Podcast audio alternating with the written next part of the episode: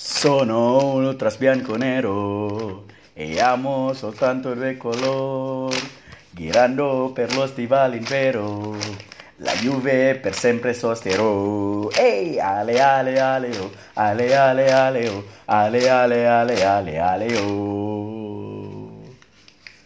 Ciao ragazzi, noi siamo come la nostra fede immortali. Fino alla fine, forza Juve! Oke teman-teman semua. Ketemu lagi bareng aku Rizky di podcast edisi kedua kita.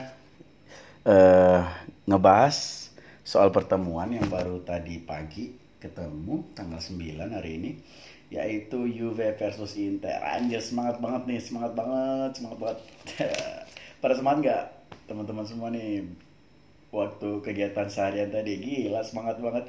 Begadang mata ngantuk muka capek gitu. Tapi tetep anjir auranya positif. Gila. Pasti aku yakin banget deh gitu.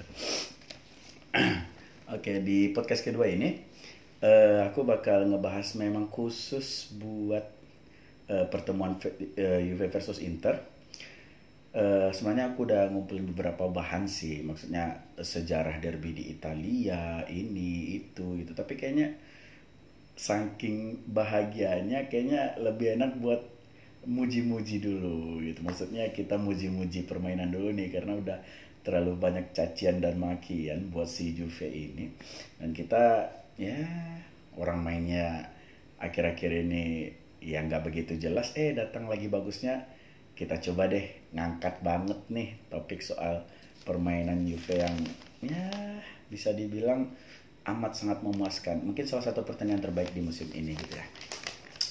Oke. Okay.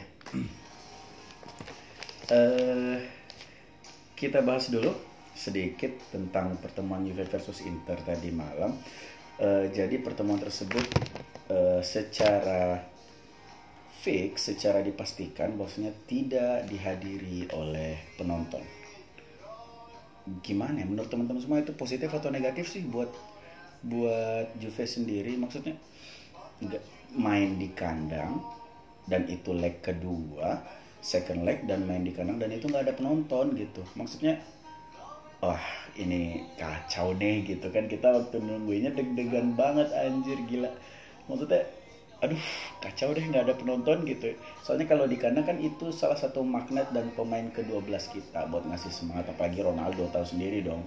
Dan ketika itu di digelar tanpa ada penonton sudah fix karena ya wabah corona ini. Buat teman-teman semua juga hati-hati selalu rajin cuci tangan jaga kesehatan olahraga yang cukup dan keseimbangan makanannya diperhatiin gitu. Karena Italia termasuk yang kena dampak paling gede loh udah ribuan tiga ribuan gitu Italia yang terkena wabah corona. Jadi ya pemerintah sana juga harus ambil sikap gitu maksudnya nggak nggak bisa di ini nggak bisa dicuekin ah oh corona doang. Nggak bisa karena Italia juga termasuk salah satu yang kena wabah paling gede gitu. Nah jadi setelah diputuskan tanpa penonton dan dimainkan tadi malam ya sempat dicemooh juga kan yang yang nonton eh, mungkin pas nonton nggak ada kayak cuman di Twitter kan Ronaldo gitu sih geblek emang dia pura-pura tos-tos ini nih fans waktu turun dari bus kan biasanya ada tuh yang kayak reporter media terus fans-fans yang ini gitu. Ditos-tosin padahal orang yang nggak ada sih geblek emang. Banci kamera emang itu orang. Jadi uh, pertandingan tadi malam dimenangkan oleh Juve. Yeay plak plak plak plak plak plak. Senang banget dan itu semua perlu diketahui kita semua Juventini di seluruh dunia itu nontonnya dari TV gitu nggak ada yang nonton di stadion emang. Ya gitu deh.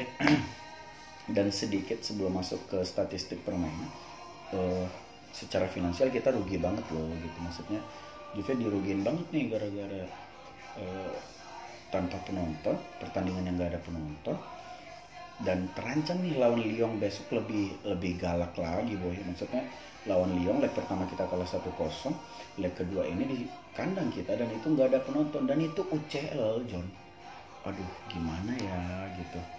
Haruskah itu nggak ada penonton gitu? Egois banget ya padahal kan itu lagi kena musibah penyakit. Ya udah deh mana yang terbaik aja deh yang jelas kita selalu dukung kasih energi positif gitu. Leg kedua harus habis-habisan gitu walaupun nggak ada penonton. Tapi nah ini nih ini asiknya di sini nih. Malah nggak ada penonton di stadion malah lebih keren mainnya sih kampret emang ini.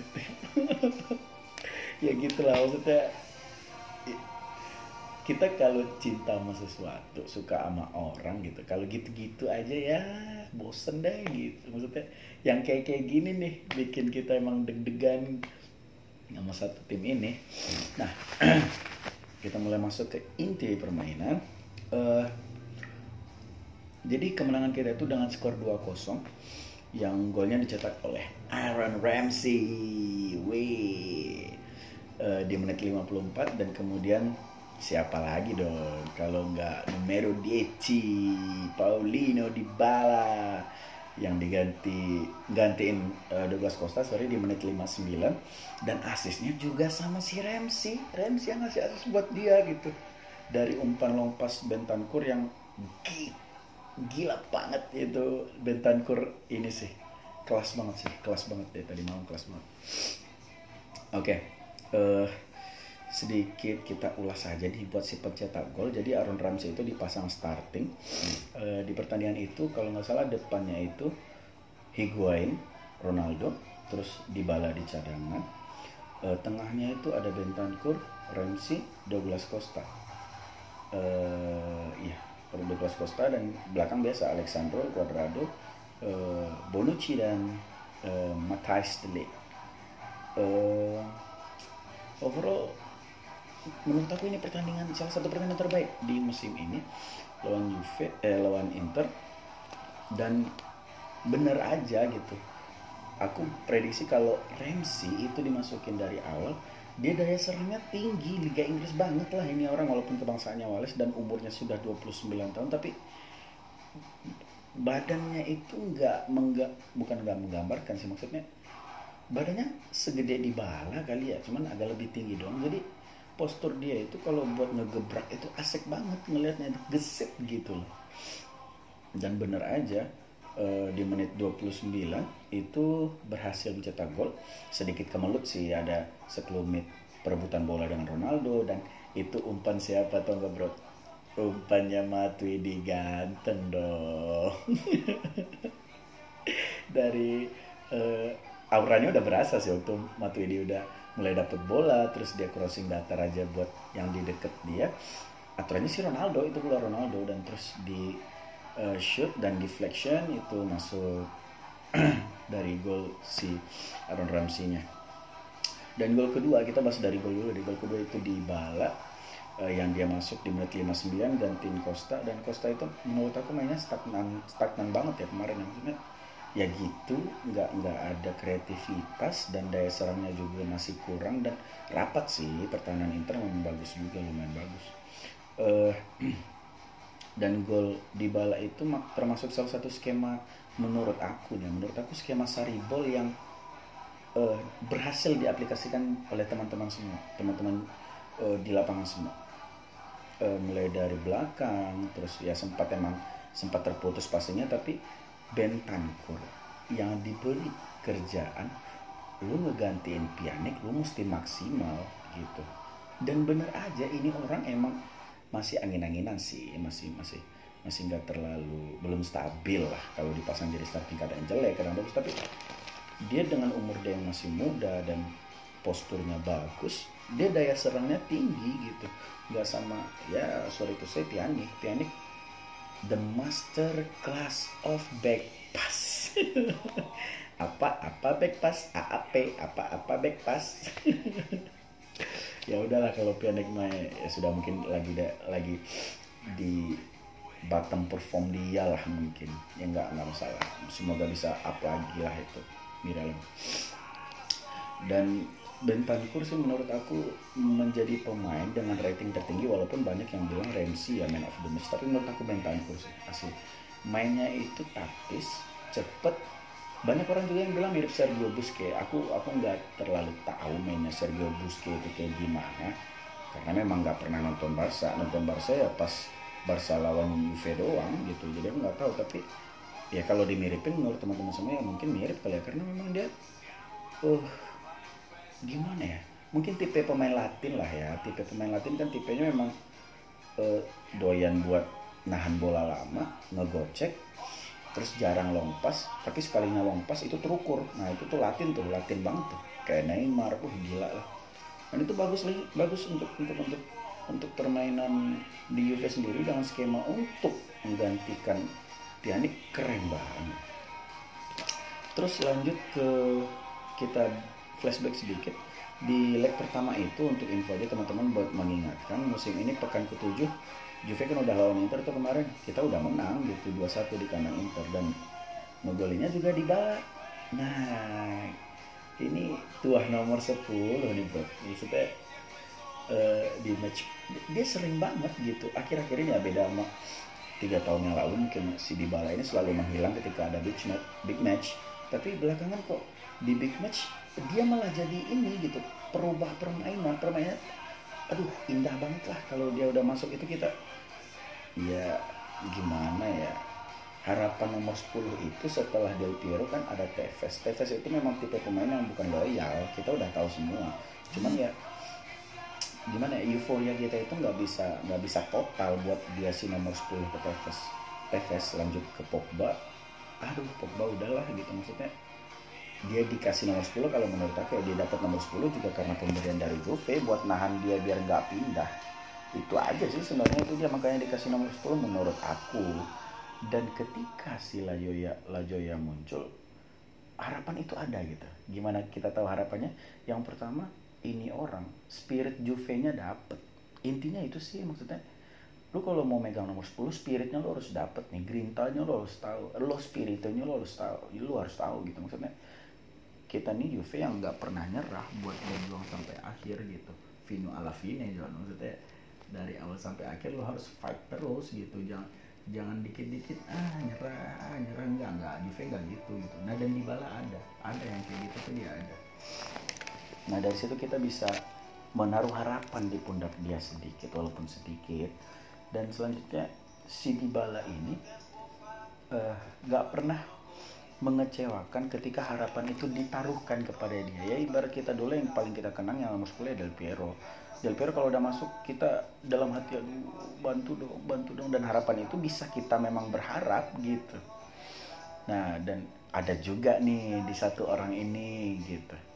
Terus yang ketiga orang ini eh, fans-fans ultra semua itu Brugi fighter respect sama ini orang. Respect itu kemarin kan sempat tuh waktu lawan apa gitu ya. Banyak yang siul-siulin si Ronaldo sama gue oh, wih, wih, wih, wih, wih. dia marah gitu pas dia nyetak gol terus dia ngarah ke ultras. No no no no whistle no whistle enggak. Jangan siul jangan siul. You should respect. Kau harus menghormati pemain. Gila itu enggak semua orang. Dan dia sekarang kalau emang nggak ada Kedira nggak ada Kielini dia pun kapten kedua udah. Karena kan kalau di Juve kalau nggak salah itu kapten diambil dari berdasarkan banyaknya caps permainan. Jadi dibalas sekarang di posisi kedua nih pertandingan terbanyak. Oke selanjutnya buat si mega bintang kita nih.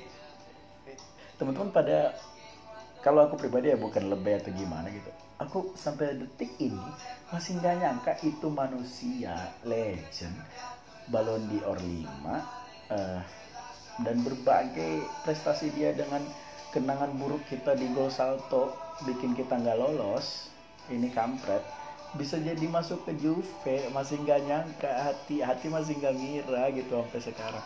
Dan dia sekarang udah tadi malam lawan Inter itu dia uh, sudah menjalani caps ke seribu dia. Bilang nggak?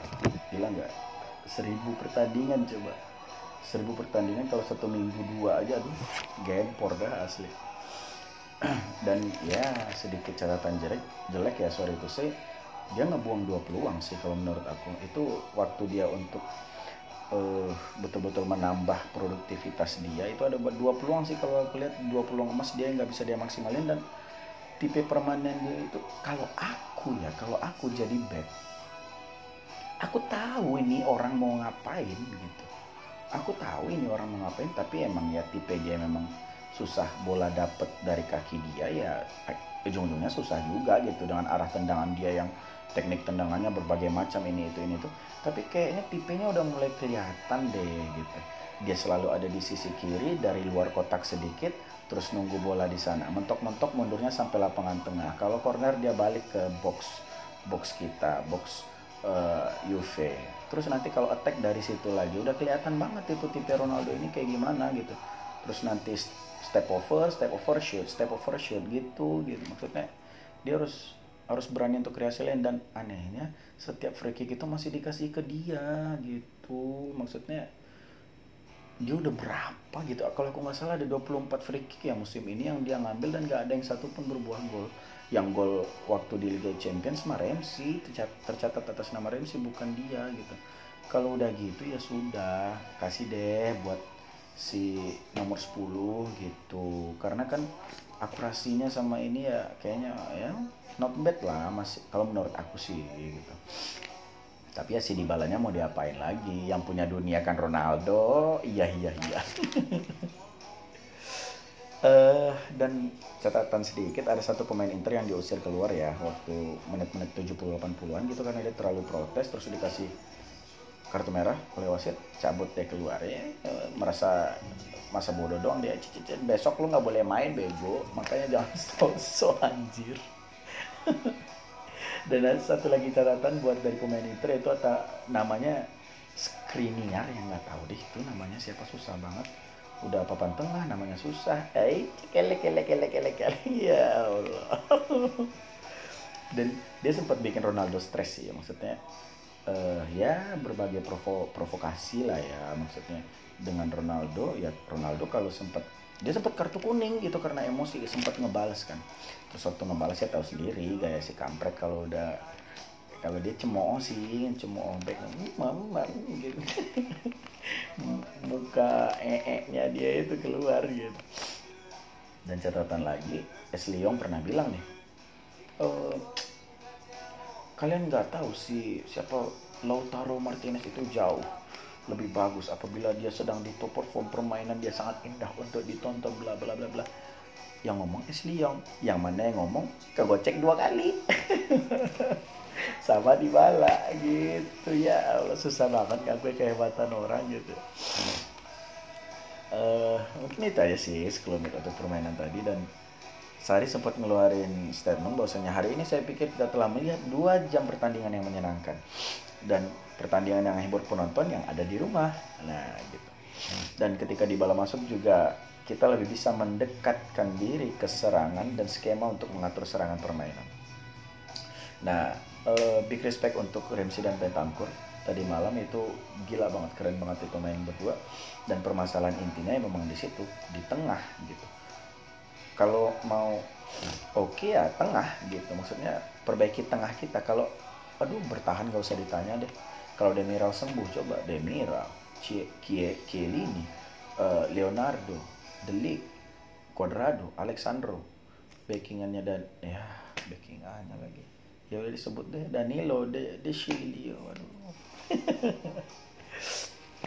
Nah ada hal unik di pertandingan ini unik di pertandingan itu adalah di bala cadangan. Nah gimana ya? Yang beberapa pertandingan terakhir di bala sama Ronaldo uh, yang hmm, susah banget klubnya harus diakui gitu. Maksudnya ya klub sih tapi kan gila lawan Lyon nggak ada shoot on goal boy. Kosong kosong asli. Dan Sari balik lagi dengan skema lama dia waktu membangun cadangan di balai yang waktu diisu-isukan pindah dan hasilnya positif asli positif kan gitu dan kalau aku lihat peran Higuain itu udah udah beda dari biasanya. Kenapa aku bilang beda? Sebelum di bala masuk Higuain itu sering banget switch permainan. Jadi ketika dia dapat bola di kiri, dia long ke kanan. Dia dapat bola di kanan, dia long lagi ke kiri. Dia sering switch play yang mana itu adalah perannya dari Dybala benar banget itu kalau aku lihat musim kemarin itu dia banget lah karakter main kayak gitu Dybala dua musim terakhir lah selalu switch play. Dia dapat switch dia dapat switch. Jadi uh, arah laju bola itu dia dia yang ngatur gitu. Mau nyerang dari mana mau bertahan dari mana mau mainin bola dulu gimana dia dia bisa ngatur gitu. Dan itu uh, Higuain ditarik ke belakang sedikit. Gimana ya jelasinnya maksudnya ya yang nonton ngeliat deh. Di box kotak penalti lawan itu jarang banget ada striker yang standby. Nggak sama sama sebelumnya Higuain selalu tuh box to box kan. Sep sep sep sep. Ronaldo nanti dari kiri set. Nah kalau tadi malam itu aneh. Dari luar box semua. Iya nggak sih? Atau perasaan aku dong kali ya?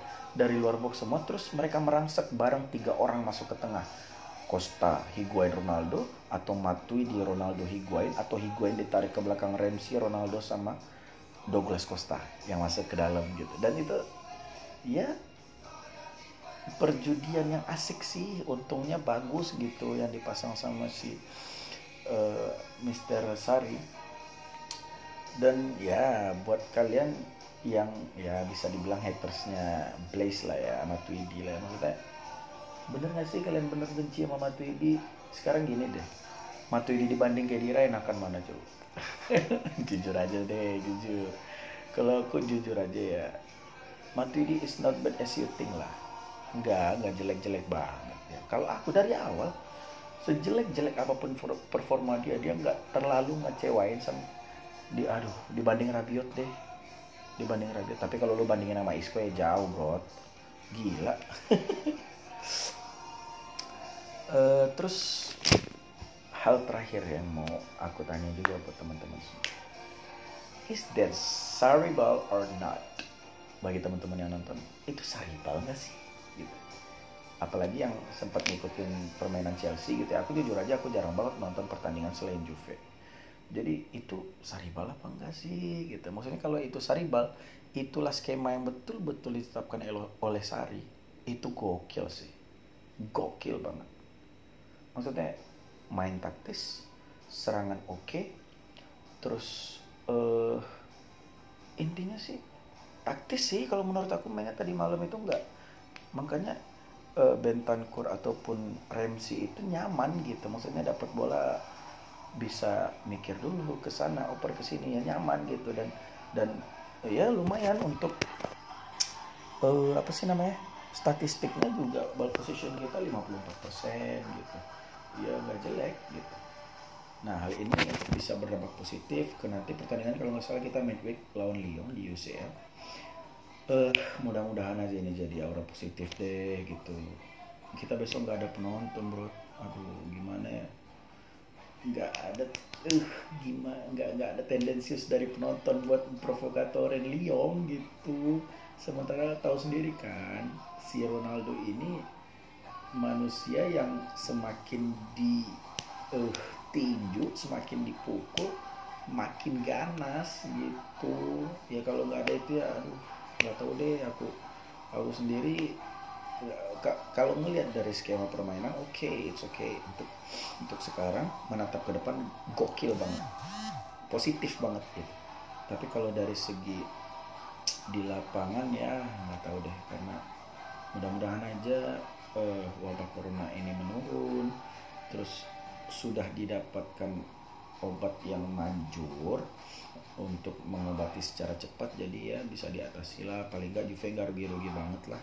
Kalau Juve rugi ya musim depan gak belanja lagi. Emang mau mainin Matuidi Rabiot sama Kedira sama Pjanic mulu gitu. Ya mudah-mudahan aja deh karena dampaknya bukan hanya secara psikologis atau juga, tapi juga secara finansial bagi tim.